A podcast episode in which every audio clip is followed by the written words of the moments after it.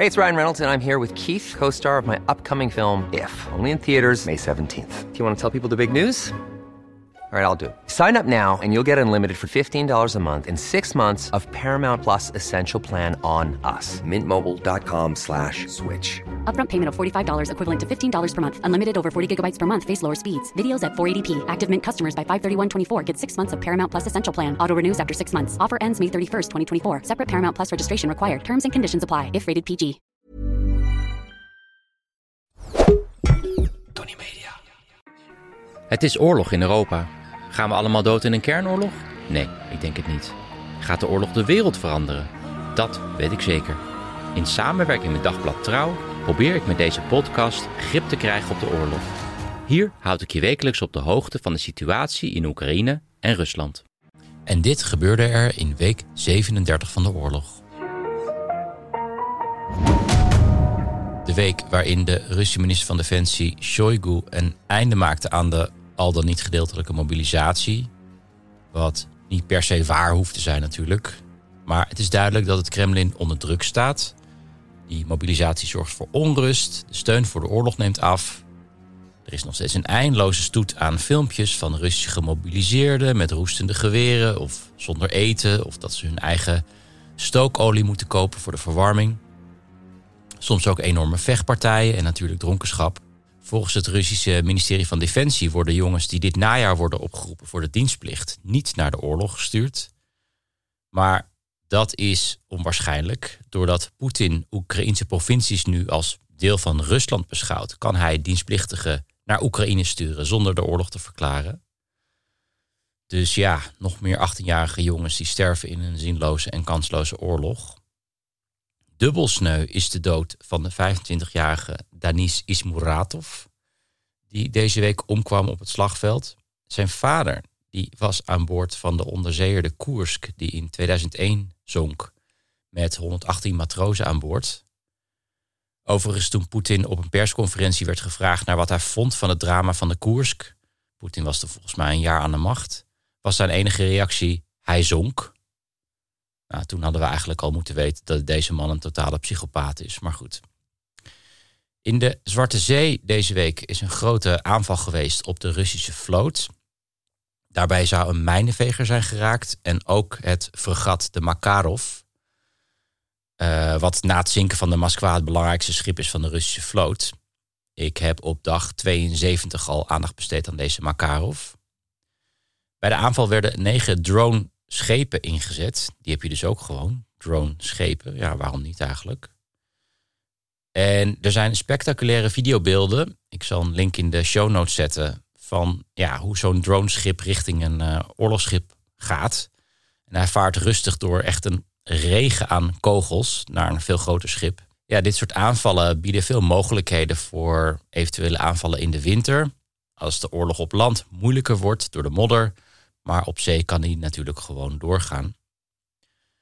Geheel voorspelbaar reageerde Poetin gisteren met een nieuwe regen aan raketten, ook weer in de maandagochtendspits, op doelen in de hele Oekraïne. Oekraïne wordt steeds beter in het neerhalen van raketten. Eh, gisteren werden 44 van de 50 uh, raketten neergehaald door de Oekraïners.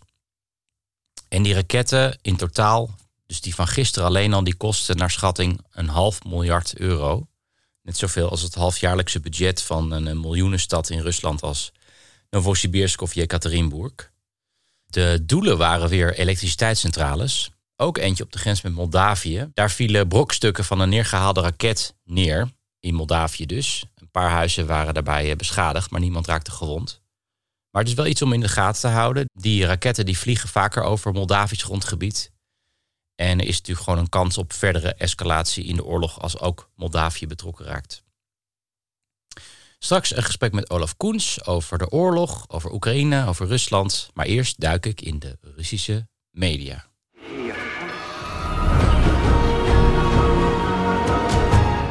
Intussen, in het parallele universum van de Russische staatstv, zag ik een item van het journaal dat in Letland het hout van de bankjes van 15 bushaltes is weggezaagd.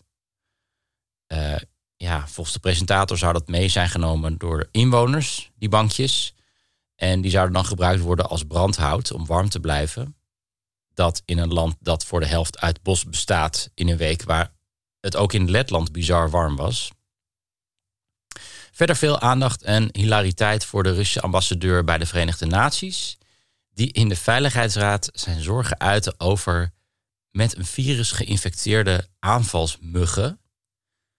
Het lijkt me dus echt zo gek om die ambassadeur te zijn, dat je dan ja, zo'n blaadje voor je hebt liggen en je weet dat het volkomen krankzinnig is en toch lees je het voor, want ja, dat is je baan, je krijgt goed betaald. Waarschijnlijk heeft hij een vette dacha buiten Moskou. Veel aandacht in alle Russische media voor Xenia Sabchak, die deze week naar het buitenland vluchtte. Sabchak is de dochter van Anatoly Sabchak. Die was burgemeester van Petersburg in de jaren negentig, toen Poetin daar ook werkte. En er is een hardnekkig gerucht dat Poetin haar peetvader is. In ieder geval zijn daar hele hechte banden. Ja, jarenlang was ze in Rusland bekend als ja, een soort socialite. Ze zat ook in het Russische Big Brother. Ze ging ook alle feestjes af. Ik kwam haar een keertje tegen op uh, de verjaardag van een Duma-lid. En er was daar een buffet. En iedereen die wel zijn buffet bij een all-inclusive heeft meegemaakt, weet dat buffetten het slechtste bij de Russen naar boven halen. Iedereen die als een gek gaat voordringen en uh, vervolgens torens met eten op zijn bord doet. Nou, hier dus ook. Dat iedereen daar miljonair was, dat, deed er kennelijk helemaal niet toe. Het was allemaal verwerking van Sovjet-trauma's. Hoe dan ook, ik had mijn bordje opgeschept. Gewoon best wel bescheiden overigens. Toen een agressief ellebogende Rus uh, mijn bord omver gooide. En de inhoud van mijn bord viel over de mooie witte broek van Xenia Sabchak. Haring in een bontjas. Dat is een gerecht met bieten en mayo en ja, haring en eieren. Ze deed er verder heel luchtig over. Dat vond ik heel sympathiek. In ieder geval, die Sabchak die voerde de laatste jaren oppositie. Maar daar moet je dikke aanhalingstekens bij denken. Waarschijnlijker doet ze dat met goedkeuring van Poetin om ja, nog een beetje de schijn op te houden dat kritische stemmen in Rusland mogelijk zijn. In 2018 was ze zelfs presidentskandidaat voor de verkiezingen. Ja, en dit is een hele subtiele en effectieve vorm, denk ik, van uh, manipulatie. Hiermee bereikt het Kremlin mensen die überhaupt geen tv meer kijken en ook niet gevoelig zijn voor afgezaagde bankjes in Letland of uh, militaire muggen. Maar kennelijk is zelfs zij niet meer gewenst in een Rusland dat echt in rap tempo evolueert richting een uh, volbloed dictatuur. De FSB had een onderzoek ingesteld naar haar organisatie. Zij zou officials afpersen. Er is ook een inval geweest in het huis van Sabchak. Ook een hele dikke dacha trouwens, buiten Moskou. Beschuldigingen waar waarschijnlijk helemaal niks van waar is. Maar dat moet in ieder geval haar motivatie zijn geweest om naar het buitenland te vluchten. In een artikel in de New York Times werd ze doodleuk de laatst overgebleven criticus van Poetin genoemd in Rusland. Op vrije voeten in ieder geval. Nou, daar moesten veel Russen hard om lachen. En werden ook een beetje terug van. Want kennelijk weet de beste krant van de wereld niet hoe Rusland echt functioneert.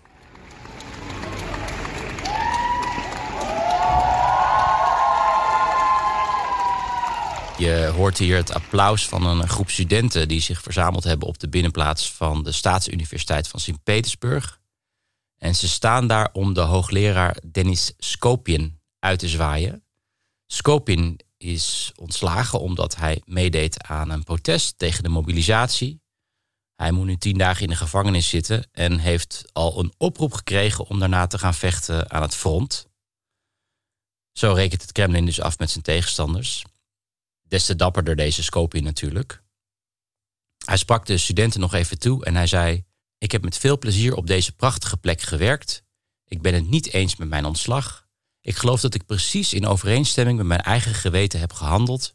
Ik ben er zeker van dat de toekomst in dit land aan jou toebehoort. Oké, en dan nog dit. Eens in de twee weken behandel ik hier een vraag van een luisteraar over de oorlog. De vraag is deze week afkomstig van luisteraar Anne Ardon. Anne ontvangt een kledingpakket van onze trouwe sponsor en dat is natuurlijk Bamigo. Zij maken duurzame kleding op basis van bamboe. En bamboe heeft veel minder water en pesticiden nodig dan katoen en is ook nog eens heel erg zacht. Ze maken onder meer ondergoed, polo's en t-shirts. Je kan zelf eens een kijkje nemen op bamigo.com.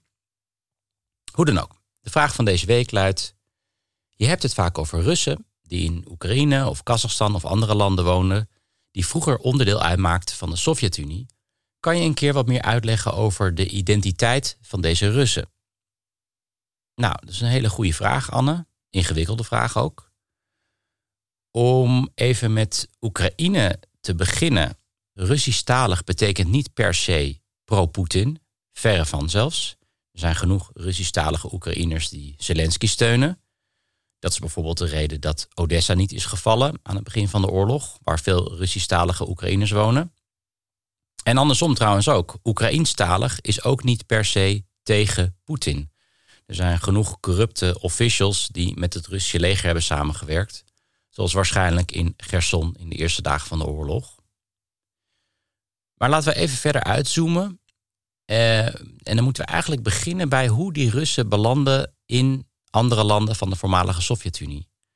Voor een deel verspreidden de Russen zich al voor de revolutie, bijvoorbeeld in de Donbass, waar al honderden jaren eh, geleden Russen heen verhuisden om te gaan werken in de kolenmijnen. Maar de grootste golf gebeurde in de Sovjet-tijd, tijdens de industrialisatie van de Sovjet-Unie.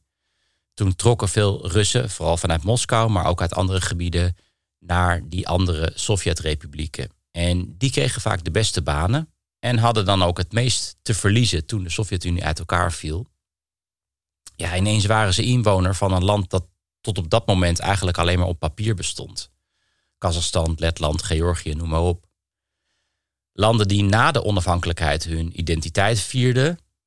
En vaak werd ook de taal gestimuleerd. Sommigen stapten zelfs over van het Cyrillisch op ons Latijnse schrift.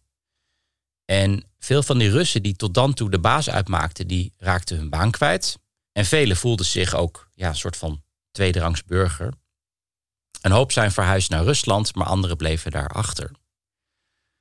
En ik ben ze vaak genoeg tegengekomen. Ja, het zijn een beetje verbitterde mensen met een enorme nostalgie naar de Sovjet-Unie. Mensen die het gevoel hebben ja, nergens bij te horen. En ze voelen zich Russisch, maar vaak zijn ze al jaren niet meer in Rusland geweest. Ze weten helemaal niet dat Rusland eigenlijk een stuk slechter voor staat dan het land waar ze in wonen. Op economisch, sociaal of zelfs democratisch gebied. En ze hebben dus het Rusland van de Sovjet-Unie in hun hoofd. Een Rusland dat helemaal niet meer bestaat. In de grote steden van Centraal-Azië, dus Tashkent en Almaty en Bishkek, daar wordt nog steeds veel Russisch gesproken door de intellectuele elite. En die elite is juist heel erg trots op hun eigen identiteit. Dus Kirgizische, Oezbeekse of Kazachse identiteit. Maar tegelijkertijd kijken ze neer op mensen die geen Russisch spreken. En dat is ja, eigenlijk de beste rare situatie natuurlijk. Ik zal een link zetten in de show notes naar een hele interessante podcast die daarover gaat. Uh, waar die elite dus ook aan het woord komt. podcast is een beetje crappy audio, maar ja, het is wel een goed gesprek. En door de oorlog in Oekraïne merk je dat ook deze elite probeert om ja, de eigen taal te leren. We hebben in Pavlodar in Kazachstan gefilmd bij een club die elke week afspreekt om Kazachs te spreken of te leren spreken. En dat zijn dus Kazachen die tot voor kort alleen maar Russisch spraken. Er deden zelfs wat Russen mee met die club. Die leren dus om uh, ja, Kazachs te spreken. En dat was tot de oorlog eigenlijk ondenkbaar. En ook in Oekraïne zie je die trend. Er zijn veel mensen die Russisch-talig zijn opgegroeid, zoals ook president Zelensky, en die nu Oekraïens leren. En dat is natuurlijk nog een onbedoeld effect van deze oorlog waar Poetin niet op gerekend had. Hoe dan ook, Anne, bedankt voor je goede vraag. Wil je nou ook kans maken op zo'n kledingpakket van duurzame bamboe? Stuur dan ook een vraag of een tip. Je kan een berichtje plaatsen op Twitter of op Instagram. In het pakket zit ook een trui trouwens. Dat hoorde ik van een winnaar die ik bij toeval tegenkwam bij een lezing van uh, Ilja Panamarenko deze week. Maar je kan natuurlijk ook zelf je kleren, die trui bijvoorbeeld, bestellen bij Bamigo. Ontvang nu 25% korting op je eerste bestelling op bamigo.com. De korting is exclusief voor de luisteraars van de show met gebruikmaking van kortingscode Jelle25.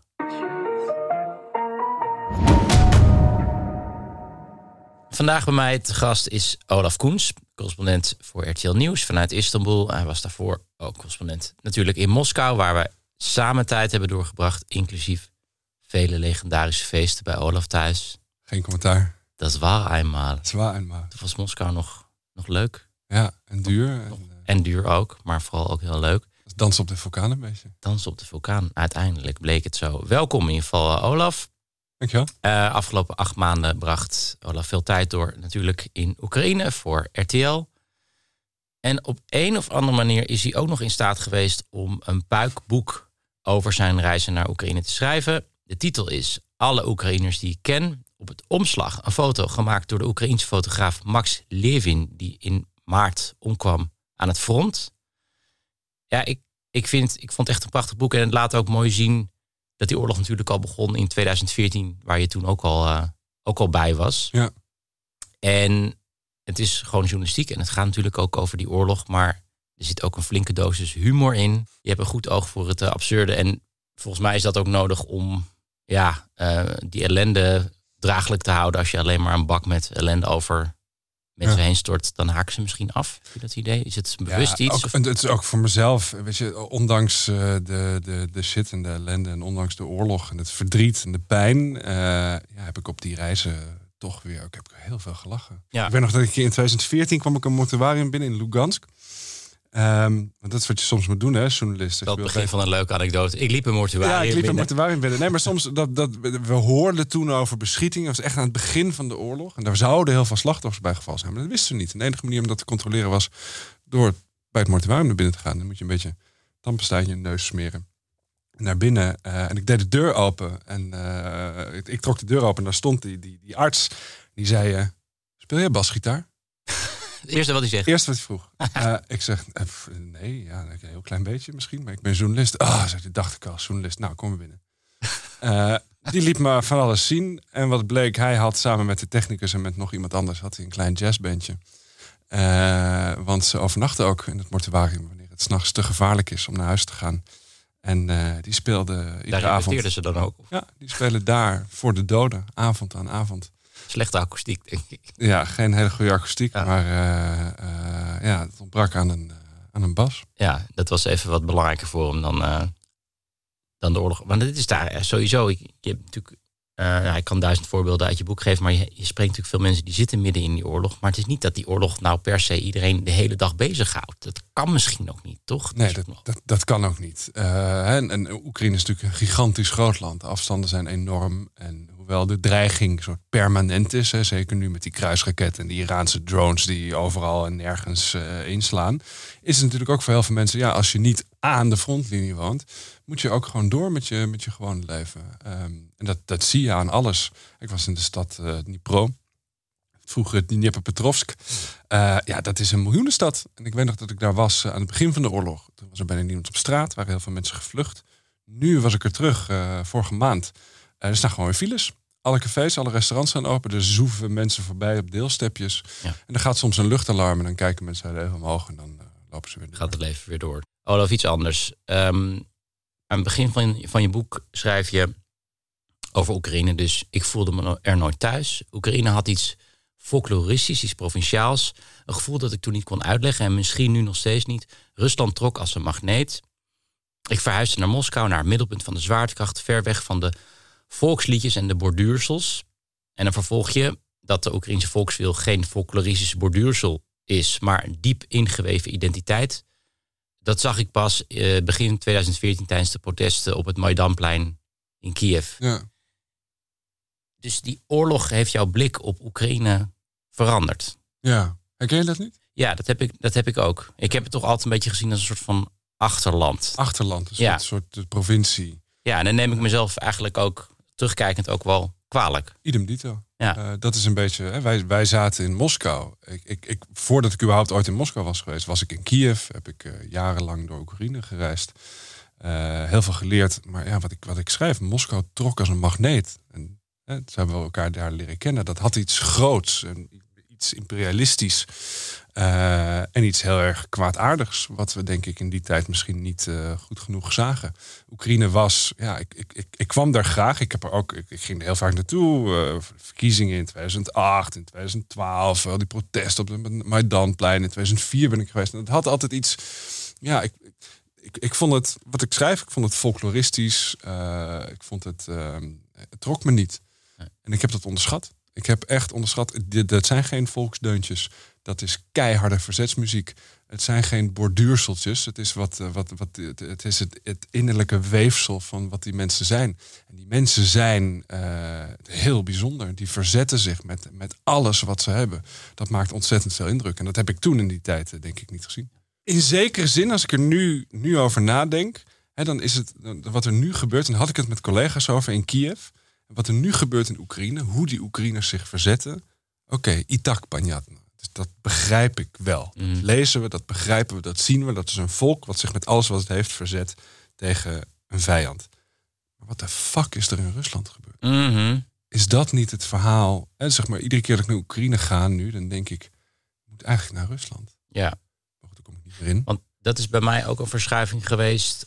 Tot aan de oorlog heb ik heel erg het onderscheid gemaakt tussen Poetin en de Russen. Ja, En dat is bij mij nu een beetje Ja. aan het vervagen. En ik denk dat, beetje. dat Russen ook een verantwoordelijkheid hebben. Absoluut. En het is niet Poetin die op die tanks Oekraïne binnenrijdt. Het is niet Poetin die al die vrouwen heeft verkracht in Butsja. Het is niet Poetin die de mortuaria opstapelt met lijken. Het is niet Poetin die al die mensen martelt in die kelders van die fucking politiestations en al die dorpjes daar. Eh, het is veel groter dan dat. En, en eh, wat zit daarachter? Ja, daar ben ik langzaam maar zeker wel naar op zoek. Eh, Ja. ehm, daar ben ik heel veel. Dat zijn gesprekken die, die, die wij thuis voeren natuurlijk, Ja. heel veel, mijn vrouw en ik. Maar dat zijn ook gesprekken die ik voer met Russen. En die vinden dat Ja. heel erg pijnlijk. En die, pijnlijk. Die, die worden heel erg kwaad als ik erover begin. Ja. Dat Russen ook verantwoordelijkheid hebben. Het is een heel pijnlijk eh, proces, eh, maar dat die gesprekken moeten gevoerd worden. Nou, dat is ook goed te- terug te lezen in je boek. Ehm, ik zou zeggen, voor iedereen, ga naar de winkel, want daar worden nog steeds boeken verkocht. Eh, Zeker. Echt waar. Echt waar. Van papier. Maar door hele lieve mensen Ehm, die hun lief en- en, en eh, zaligheid ook. Ja, het, eh, gebleekt. Ge- het is echt fantastisch. Niet gekapt in een Oekraïns bos. Niet gekast in Oekraïns Ga daarheen en koop dat boek met titel Alle Oekraïners die ik ken. Dankjewel, Olaf. Dankjewel. Dat was het voor deze week. Je kan nog stemmen voor de Podcast Awards. Ik ben er weer volgende week. Tot dan.